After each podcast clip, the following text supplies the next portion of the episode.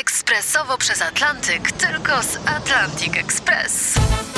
Z nami wyślesz co chcesz, kiedy chcesz, do kogo chcesz i to o 40% taniej. W Atlantic Express wysyłamy wszystko. 1 800 775 7363. Mienie przesiedleńcze, kontenery, paczki do Europy. Atlantic Express o 40% niższe ceny na wysyłki kontenerów, samochodów i paczek. Ekspresowo przez Atlantyk, tylko z Atlantic Express. Mało kto dziś pamięta. Datownik historyczny prezentuje Maciej Korkuć.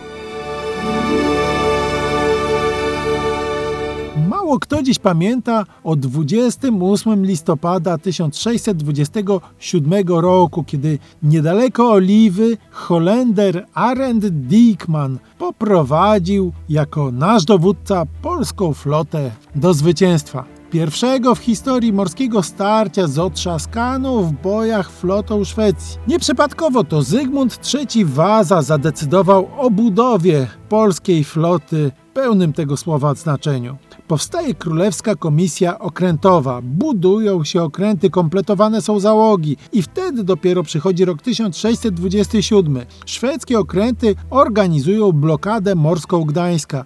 Lekceważą Polaków. Z ponad 20 okrętów początkowo wystawionych do blokady finalnie zostawiają 6. Owszem, z tego 5 to były solidnie uzbrojone galeony. Polacy mieli tylko 4 takie galeony i kilka mniejszych jednostek. Szwedzi więc są pewni siebie. Dickman dzieli flotę na dwie grupy. Szybko kieruje się w kierunku Tygrysa, czyli szwedzkiego galeonu admiralskiego. Polacy zaczynają ostrzał. Szwedzi odpowiadają. Dickman szybko prowadzi do zetknięcia burt i abordażu. Jesteśmy szybsi. Od ostrzału giną marynarze z obu stron, ale to szwedzki dowódca Nils Stirnskold ma problem. Najpierw otrzymuje postrzał w kark, potem traci lewe ramię. Próbuje poddać okręt, ale jest już za późno. Polacy wskakują na szwedzki pokład. Tygrys jest zdobyty, ale błyskawicznie zbliżają się kolejne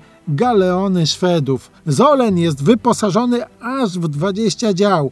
Na spotkanie z nim płynie więc polski galeon wodnik. Znowu ostrzał i znowu abordaż. Szwedzi trzy razy odpierają takie szturmy, ale na pomoc nam przybywają kolejne dwa polskie okręty. Zaczyna się rzeź na pokładzie Zolena i wtedy jeden ze Szwedów w odruchu beznadziejności sytuacji wysadza ładunki wybuchowe zgromadzone na okręcie. Ten staje w płomieniach, idzie na dno, ale od eksplozji płoną też żagle polskiego wodnika. Na szczęście udaje się opanować sytuację. Reszta Szwedów, widząc to, ucieka z Zatoki Gdańskiej. Dickman triumfuje, kiedy zostaje śmiertelnie ranny od jakiejś zbłąkanej kuli. Zwycięża więc i w glorii chwały, jak później Nelson pod Trafalgarem, admirał Dickman umiera ze świadomością, że przechodzi do historii jako twórca pięknej morskiej wiktorii w Zatoce Gdańskiej.